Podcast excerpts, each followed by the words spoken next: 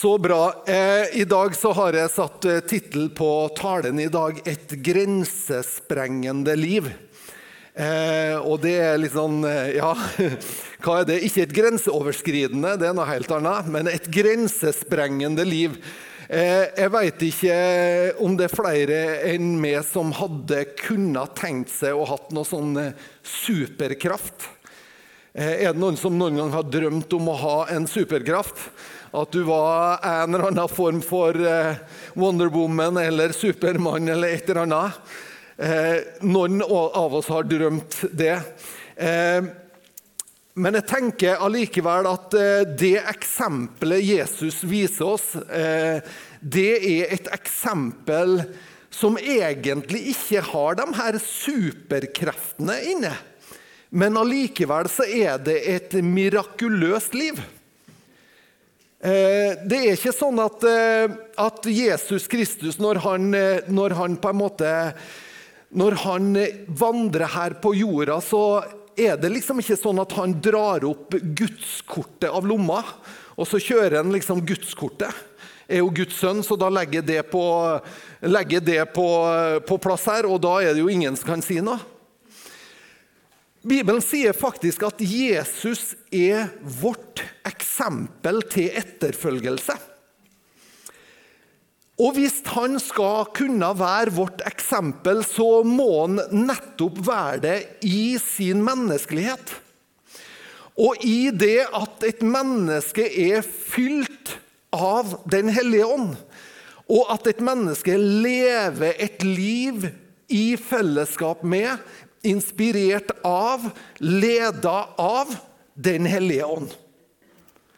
Jeg vet ikke om du er enig med meg. Nå, nå sier ikke det her for at du skal liksom begynne å måle det opp imot Jesus og tenke nå, nå skal jeg, nå skal jeg liksom ta hans rolle. Nei, men jeg tror allikevel at det er viktig at vi forstår det at Jesus han gjør det han gjør på planeten vår i kraft av at han er et menneske, og i kraft av at han er et menneske fylt med Guds ånd. Hvis ikke så kan ikke han være et forbilde for oss. Hvis det er sånn at han er Supermann, og samtidig så sier han at vi skal gjøre det samme, vi skal prøve å etterligne etterape, vi skal være hans sine disipler, så er det feige lag. Men det er ikke feige lag. Han eksemplifiserer for oss hvordan et menneske kan leve med Gud, ved Guds ånd, og kan leve et grensesprengende liv. Hvordan kan du og jeg leve med denne X-faktoren i livet vår som forløser noe mer enn det naturlige? Er du med på spørsmålet? Hvordan kan vi leve med denne X-faktoren i livet vårt som forløser noe mer enn det naturlige? At vi bærer med oss en annen dimensjon inn i samtalen, inn i fellesskapet, inn i forventningene, inn i det vi møter. Det står det i Hebreerbrevet. Det er et av mine sånn favorittvers i forhold til det å skulle kunne gruble på Guds ord. Så er dette et av de versene. Fast føde er for de voksne. For dem som ved bruk har øvd sine sanser opp til å skille mellom godt og ondt. Jeg tror det at du og jeg vi er i en læreprosess. Vi er i en læreprosess i det å følge Gud. I det å etterfølge Jesus. Jesus han er det uttrykte bildet av Gud. Han er vårt eksempel til etterfølgelse. Og han er den også som vil at du og jeg skal øve opp våre sanser. Våre åndelige sanser. Noen av dere har god luktesans. Enkelte har for god luktesans. Altså, våre sanser, Og man er vant til å bruke det. ikke sant? Vi er kjent med sansene våre. Annika har mye bedre luktesans enn meg.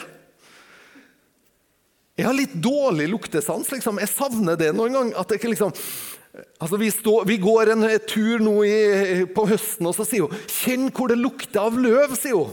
Og jeg bare jeg har jo svær nese, vet du, men det funker ikke helt allikevel. Liksom. Jeg, jeg, drar inn Ja, jeg kjenner det litt, liksom, men hun nyter fullt ut. For hennes sans er skarpere enn min. Og på samme måte som vi har våre, våre, sanser og kan sanse det fysiske rundt oss gjennom synet vårt, gjennom følelsene våre Enkelte av oss er, er, vi er taktil. Det betyr at vi, vi, vi, liker når det føles på kroppen. Og er sånn, vet du hva jeg, Nå tar jeg en hemmelighet, altså. Men et av kjærlighetsspråkene mine det er liksom når Annika stryker meg i nakken. Da er jeg som en katt. Det er sånn grrr. Da mer det som en katt. Fordi at det er en sans som jeg setter veldig pris på. Jeg liker når Annika stryker på meg. og jeg, da, da, altså Hun kan spørre om hva hun vil. Svaret er ja. Men vi er sanselig til stede i livet vår, er vi ikke det? Og jeg tror litt av det å bli en troende også er faktisk det å åpne opp sansene våre.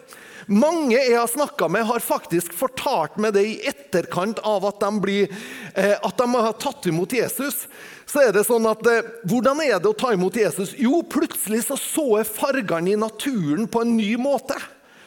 Plutselig hørte jeg fuglene synge på en ny måte. Plutselig så, så våkna sansene mine på en ny måte. Og ikke minst, jeg vet ikke om noen av dere har sett en skikkelig god film noen gang. Du har vært på kino og du har sett en skikkelig god film, og så går du ut og så føler du at du elsker hele verden. Er det noen som har den opplevelsen? Eller du har sett, altså, du har sett eh, andre sterke filmer, 'Schindlers liste'. Du, du, går ut derfra og du, skal, du, du kjenner at du skal kjempe for rettferdigheten, samme hva det koster. Litt sånn er det å ta imot Jesus. det at Du får denne himmelske synet på ting som gjør at sansene dine åpnes. Men vi som er troende, vi kan også oppleve at våre åndelige sanser skjerpes. At vi kan lære oss å lytte, høre, ta imot. Sånn at vi kan bringe en X-faktor inn i møte med de menneskene vi vi møter på.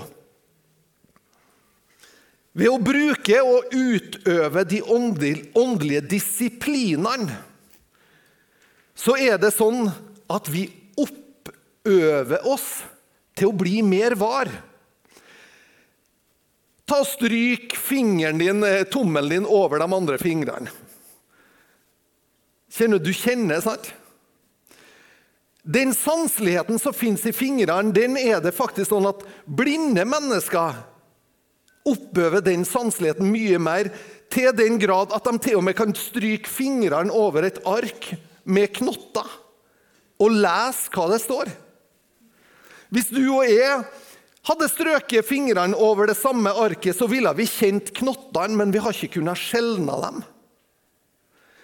Så det er altså med øvelse man kan oppøve seg til å kunne skjelne hva er det som står når jeg stryker fingrene over det her arket med knotter. Det er kun ved øvelse man vil kunne skjelne det og lære det, forstå det, tolke det og få mening ut av det. For alle oss andre så vil det alltid bare være et ark med knotter. Vi kanskje forstår det, at det er noe, og at det vil bety noe.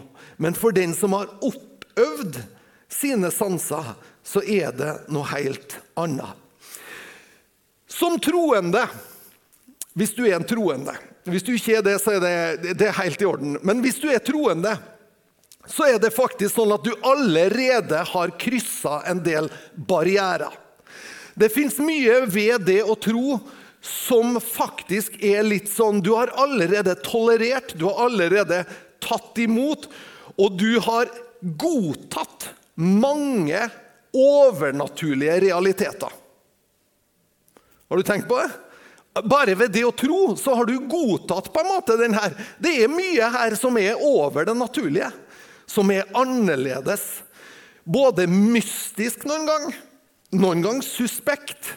Du har godtatt at det fins åndelige lover, at det fins åndelige realiteter. Du har godtatt at det fins en verden vi ikke ser, som er like virkelig som den vi ser.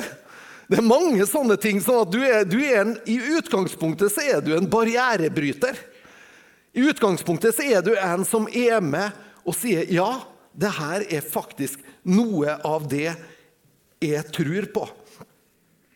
I denne kirka så bruker vi å dele nattverden en gang i måneden. Og da er det sånn at Kristus kommer til oss i legeme og blod. Det er et mysterium, er det ikke? Når vi tar imot nattverden, så sier vi at vi blir ett med Kristus. Vi lar Han og hans sine realiteter berøre oss. Det er et mysterium.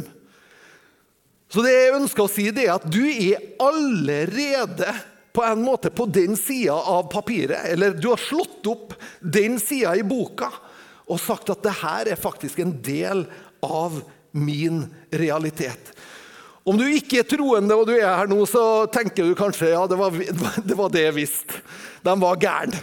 Gjengen var litt utafor. De, de, er litt sånn over the top.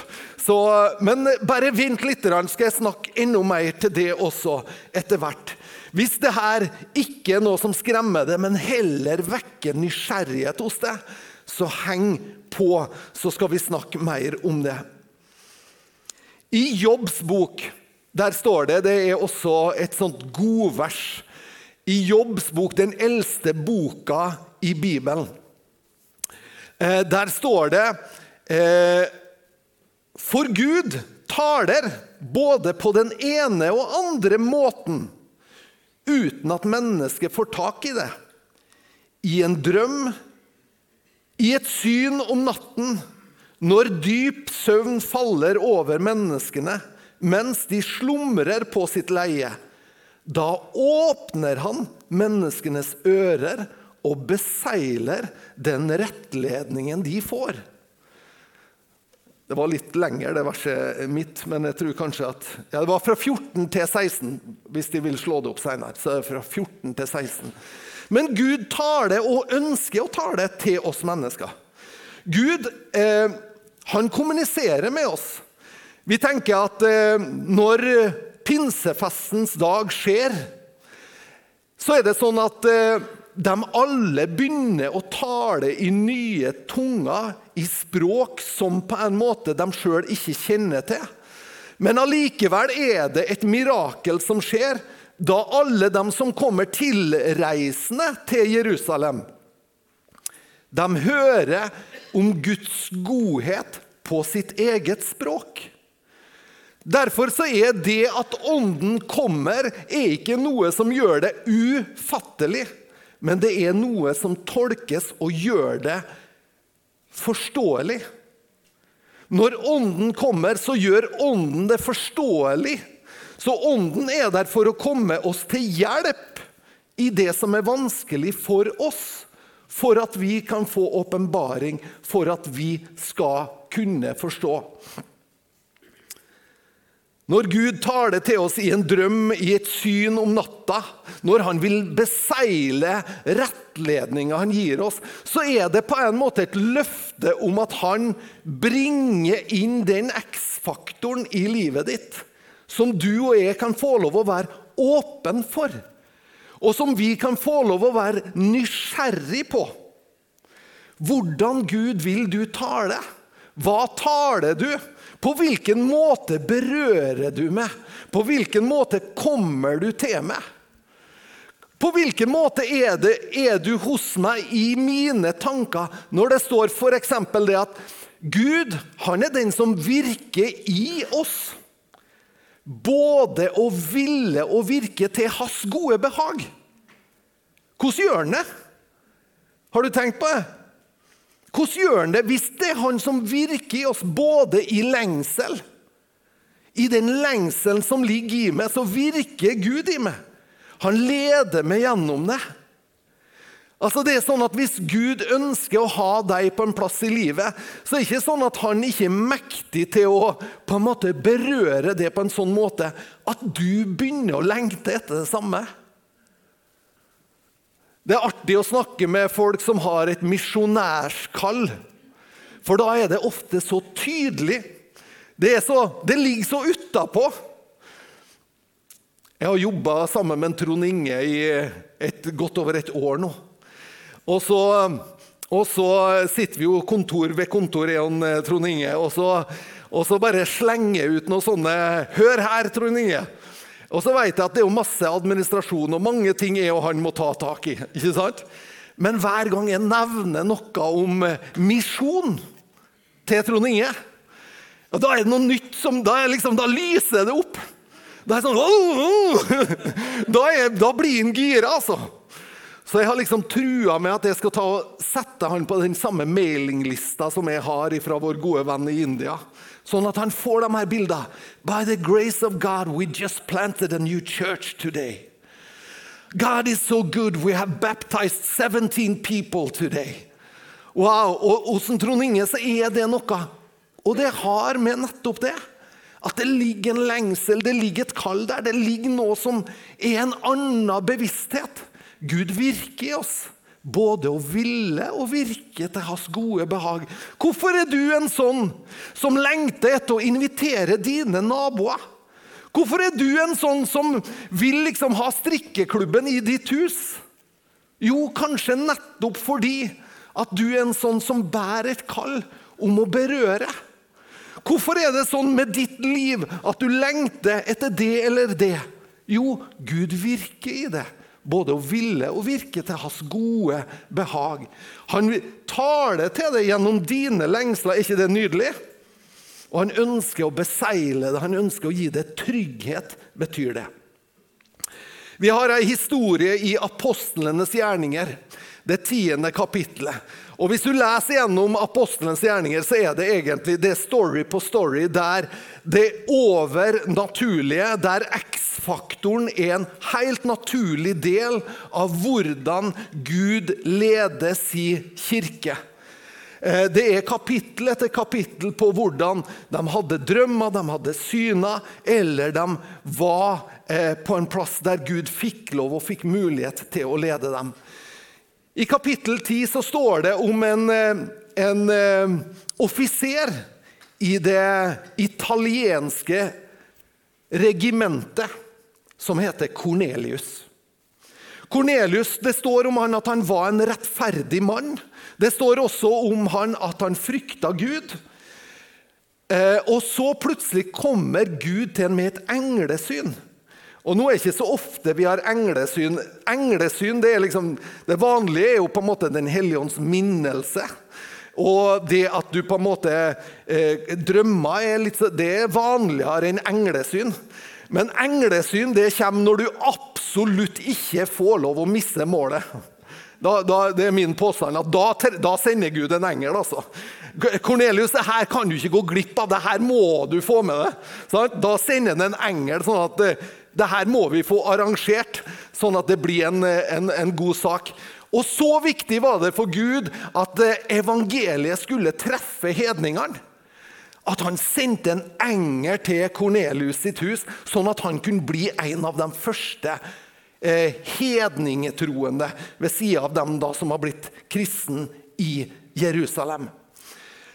Så da er det sånn at Gud er veldig praktisk, fordi han vet jo at Peter til vanlig holdt han til Jerusalem. Men akkurat nå så var Peter eh, ei tid i Jaffa, eller Joppe. Og der bodde han. Og da kommer altså engelen og så sier han det ganske praktisk til, til Kornelius eh, at dra nå til Joppe. Send noen dit som kan på en måte hente Peter. Han bor hos eh, Simon Garveren. Bare liksom litt sånn opplysninger underveis. Altså Det er ganske sånn praktisk. Og så på en måte åpner det seg opp. Eh, og nå, nå, begynner jeg å tenke Var det Simon Garveren bodde hos? Jeg begynner å tenke, Eller var det Paulus som bodde hos Simon Garveren? Ja. Det er rett. Har jeg rett nå? Eller jeg, jeg, jeg, må passe vet du, når en står her, for det står at altså, liksom, det, det, må, det, er mye bra i historien. vet du. Så tusen takk for hjelpa. Men så spesifikt var det at han skulle gå dit, og så skulle han ganske enkelt fortelle hva han skulle gjøre. Og så har du Peter på si side, som er oppvokst jødisk, med alle de begrensningene det medførte. Han hadde begrensninger på hvem han kunne spise sammen med, hvem han kunne forholde seg til, hvem han skulle gå i ring rundt for å slippe å snakke med. Han hadde masse begrensninger, Peter, som en del av kulturen. Og når det er en del av kulturen, så er det ikke sånn at ja, ja, men nå, ok, nå er ikke det som gjelder, så nå skifter vi ut den tanken, det nye tanker. Nei, kulturen vår den sitter i ryggmargen vår. Gjør den ikke det? Det vi er opplært til å tenke, tro og mene, det sitter i ryggmargen vår. Det er ikke liksom bare å si at ja, men nå er det noe nytt som gjelder Peter. Come on! Så er det liksom gjort, så har du omstilt sitt. Nei, du har ikke det. Du trenger å få en erfaring av en ny sannhet. Og så var det sånn at Peter han, eh, liksom, han gikk oppe på taket og ba, og så plutselig så kom han i ekstase, står det. Det er jo ikke så ofte vi gjør. Har vi noen som ofte er i ekstase her? Jeg har aldri vært i ekstase, så det kan bli spennende hvis det skjer en gang. Men Peter han var i ekstase, og da fikk han se et syn. Og I det synet så kom det en duk fra himmelen som heisa seg ned, og på den duken så var det alle mulige slags dyr. Og han var sulten. og det, er Sånn samspiller Gud med den fysiske følelsen han hadde, og det synet han så samspilte og sa at vet du nå, de her dyra, bare slakt Peter og et.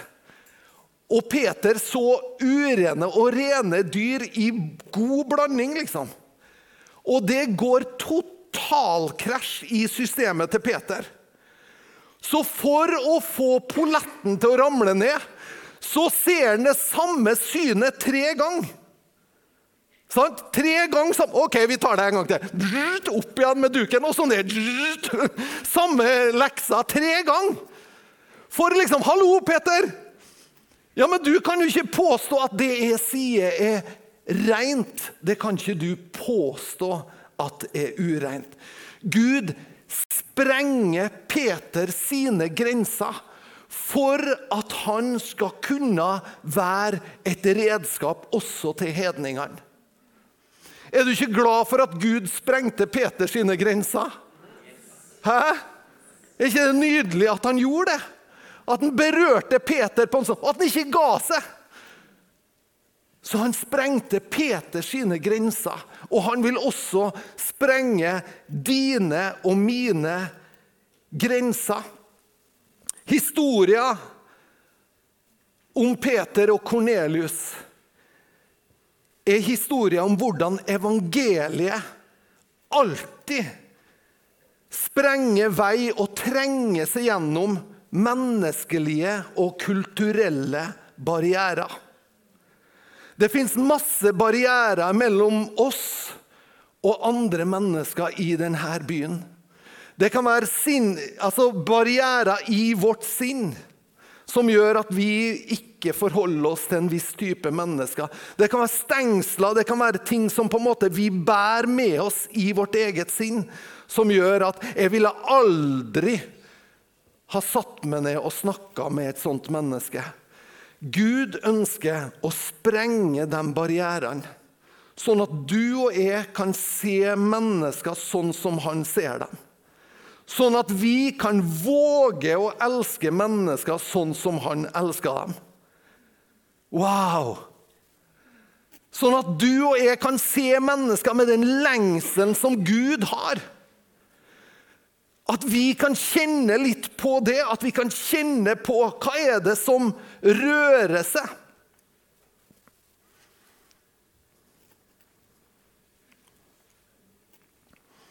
Samtidig så er det en historie også om Kornelius og Peter som egentlig, som en naturlig del av historien, har en X-faktor. Lever med en åpen himmel over seg. Leve med noe over livet sin som gjør at det er faktisk mulig for det himmelske å komme inn og korrigere og sette en ny retning. og skifte ut tanker. Det er noe med dem som gjør at det her blir et naturlig berøringspunkt. Det er ikke sånn at liksom i apostlenes gjerninger så står det Wow, Ops, ops! se her! Oh, highlight story! Wow, nå kommer det et mirakel her!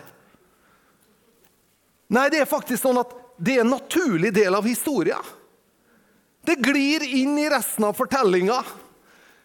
Det glir inn i vår forståelse av at det var ganske naturlig i og med at Joppe det lå liksom ikke så veldig langt ifra. Cesarea Filippi. Det var bare fem mil der. Så litt i det naturlige så var det ikke så langt å kalle på Peter. Det hadde vært verre hvis han hadde vært i Jerusalem. Så går det overnaturlige sammen med det naturlige og bringer et bilde til oss men vi trenger også å være overgitt til Han som bringer det inn i våre liv, sånn at han kan sprenge våre begrensninger og våre grenser. Jesus han er grensesprenger. Nummer én. Gjennom hele Jesu liv og tjeneste kan vi se hvordan han sprenger grenser. Han gjør det uventa, både i forhold til det som er akseptabelt og riktig. Tenk bare det han sier om, om sabbaten. Er den til for mennesker, eller er det mennesker til for sabbaten? Han snur det på hodet, eller han snur det egentlig rett veien. Ifra at ting har vært på hodet, så snur han det på rett veien. Sånn at vi kan få en større forståelse av at sabbaten er faktisk til for oss. Den er vår vinning. Vi er ikke til for å tjene sabbaten, men sabbaten er til for å tjene oss som mennesker. En grensesprengende tanke. Og den bringer jo inn også tanken om at det er faktisk ikke sånn at jeg gjør Gud en tjeneste ved å gi meg til Han. Men det er mer at det er faktisk jeg sjøl som tjener på å overgi meg til Gud. Jesus han er vårt eh, eksempel til inspirasjon og etterlevelse. Og Dette kan være krevende for oss som er oppvokst i en verden der på en måte alt skal kunne forklares, og alt skal på en måte kunne settes to strek under svaret. Mange ganger så er det sånn med troa vår at uh, den setter ikke to strek under svaret. Det er mer sånn at den på en måte setter to svar under streken. Ja, Men det her det, det, liksom, det passer jo ikke inn. Kan ikke komme svar under streken. Vi er vant til å måtte tenke annerledes. Men jeg har lyst til å oppfordre deg til å leve livet med en åpen himmel. Gud kaller oss til å kaste av oss begrensningene og bevege oss inn i et overnaturlig liv. Vi skal lese ett vers mot slutten, som kan være et sånt vers du kan gå hjem og så grunne på tenke på og ta til det. Og det er i andre Peters brev. Og Der står det nåde og fred blir dere til del i rikt mål gjennom kunnskapen om Gud. Fra vers 2 til vers 4. Gjennom kunnskapen om Gud og Jesus, vår Herre, ettersom Hans guddommelige makt har gitt oss alt som tjener til liv og gudsfrykt, og ved kunnskapen om Ham som kalte oss ved sin egen herlighet og kraft. Og gjennom dette har gitt oss de største og mest dyrebare løfter.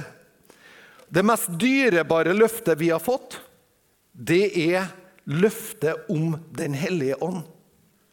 Løftet om at Den hellige ånd skal fylle oss mennesker, er et løfte om X-faktoren i livet vårt. At vi kan leve livet vår med ei anna forventning.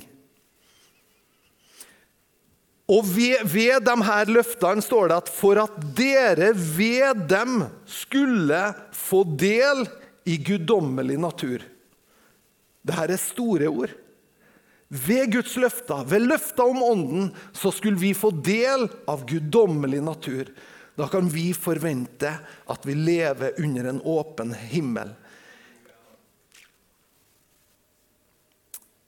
Det her er det han har invitert oss inn i. Det her er på en måte potensialet i et liv sammen med han. Ikke fordi at vi er spesielle, ikke fordi at vi har gjort det så godt, ikke fordi, fordi, fordi men pga. hans store nåde så har han tilgjengeliggjort det her for oss. Sånn at du og jeg kan leve et liv som sprenger grensene for det naturlige.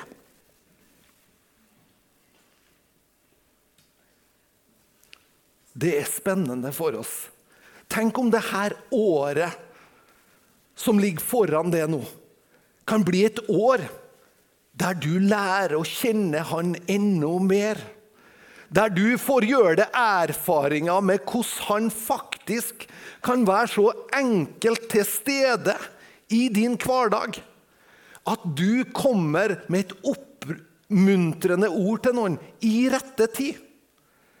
At du kommer og er på rett plass til rett tid. Tenk for et potensial i ei kirke som beveger seg, berørt og leda av Den hellige ånd. Tenk hvis, ikke, hvis, tenk hvis vi som kirke tenk hvis vi er 200 mennesker som beveger seg, om vi er 700 mennesker som beveger seg og er på rett plass til rett tid. Altså, jeg vil si, Om bare ti av oss hadde levd fullheten av potensialet, så tror jeg på en måte at ting begynner å skje. Og jeg ønsker ikke å peke på det her som noe som kan skje om et halvt år, eller om to år, eller lenger fram i veien. Akkurat som disiplene til Jesus sier, det er ennå fire måneder til høsten. Det ligger alltid lenger fram. Ja, vi tror vi skal oppleve ting, men det ligger alltid lenger fram. Vi kan åpne våre liv og tenke på det enkle. Enkle, det påtakelige, det nære. Det som kommer som en sommerfugl, kommer en tanke fra Den hellige ånd. Den landes så lett i våre sinn. Den flyr også lett av gårde igjen. Vi må på en måte være følsomme og kjenne at den er der. Hvorfor tenkte jeg det nå? Oi, hva var det som gjorde at jeg fikk den tanken nå? Hvorfor fikk jeg den minnelsen? Hvorfor, hvorfor, ble det en, på en måte, hvorfor ble det noe i min tankesfære nå? Kanskje fordi at du skal berøre. Kanskje fordi at det er noen som trenger akkurat det. Eller at den som er i rommet attmed det, trenger det akkurat nå. Kan vi våge å tenke? Våger du å tenke at himmelen er åpen over det? Våger du å tenke det? Himmelen er åpen over det. Wow! Og Hvis det er sånn, Jeg tror at lovsangerne kan komme fram. Og så tror jeg også at hvis det er sånn at du aldri har våga å trodd Du har aldri på en måte våga å ta det steget sjøl og si at det her med Gud og med Jesus og det jeg har aldri våga å si at det er noe som jeg vil at skal være en del av livet mitt. Så kan du faktisk også ta det steget. I dag. I dag så kan du ta et steg der du sier at 'jeg ønsker en X-faktor i livet mitt'. Jeg ønsker at livet mitt skal være større enn meg sjøl. Jeg ønsker å bringe inn en dimensjon av nærhet av kjærlighet, av godhet. Hvis du sier det i dag, så kan faktisk dagen i dag bli en dag der du sier nå setter strek. Nå går jeg over denne linja i mitt eget liv som er av tro. Nå våger jeg å si til meg sjøl jeg ønsker å tro.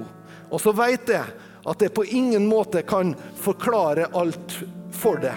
Jeg vet også at jeg på ingen måte kan fortelle alle dybdene i det på en søndag, men allikevel så kan du kjenne på innsida at det er noe som lokker deg, noe som drar deg, noe som kaller ditt navn og inviterer deg inn til et liv sammen med Han.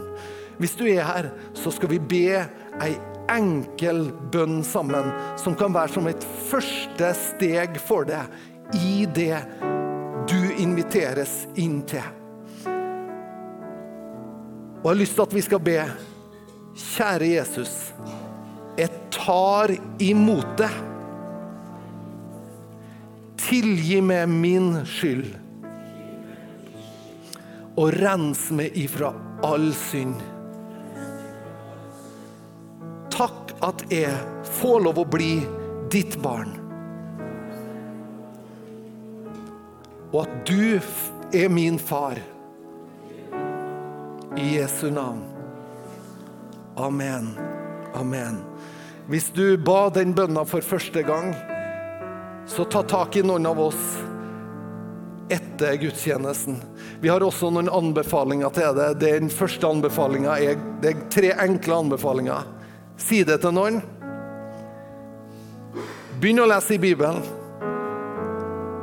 Og finn deg ei kristen kirke. Finn deg et, et sted der du kan tilhøre. Dette er et bra sted å tilhøre. Det fins også mange andre plasser som er gode kirker å tilhøre. Finn deg et sted å tilhøre. Skal vi stå opp sammen, og så skal vi prise Herren? Er du klar for at eh, livet ditt kan leves under en åpen himmel? Er du klar for det, så bare bruk denne stunda i lovprisning og tilbedelse nå. Kanskje noe Den hellige ånd vil tale til deg. Kanskje Den hellige ånd vil minne deg om ting som har skjedd. Kanskje situasjoner der han prøvde å nå fram til deg, og du ikke var riktig tilgjengelig. Bare be han om tilgivelse, og så ber du om nye muligheter. Han vil komme med nye muligheter til deg, der du kan åpne himmelen over ditt eget liv på nytt igjen. Amen. Men la det her bli ei lita stund nå, og så tar du bare og snakker med han om hvordan du kan få lov å leve med X-faktor i livet. I Jesu navn. Amen. Hei, og takk for at du har sett på eh, en tale fra Betel Trondheim. Nå kanskje du sitter igjen med spørsmål og et behov for å snakke med noen. Da er du hjertelig velkommen til å ta kontakt med oss. Du er også hjertelig velkommen til å komme og ta del av gudstjenestene vår, eller det som skjer i ungdomsarbeidet eh, i kirka vår. Jeg tenkte at jeg hadde lyst til å avslutte med å lyse Herrens velsignelse. Så vær så god, ta imot. Herren velsigne det og bevare det. Herren la sitt ansikt lyse over det og være det nådig. Herren løfte sitt åsyn på det og gi det fred.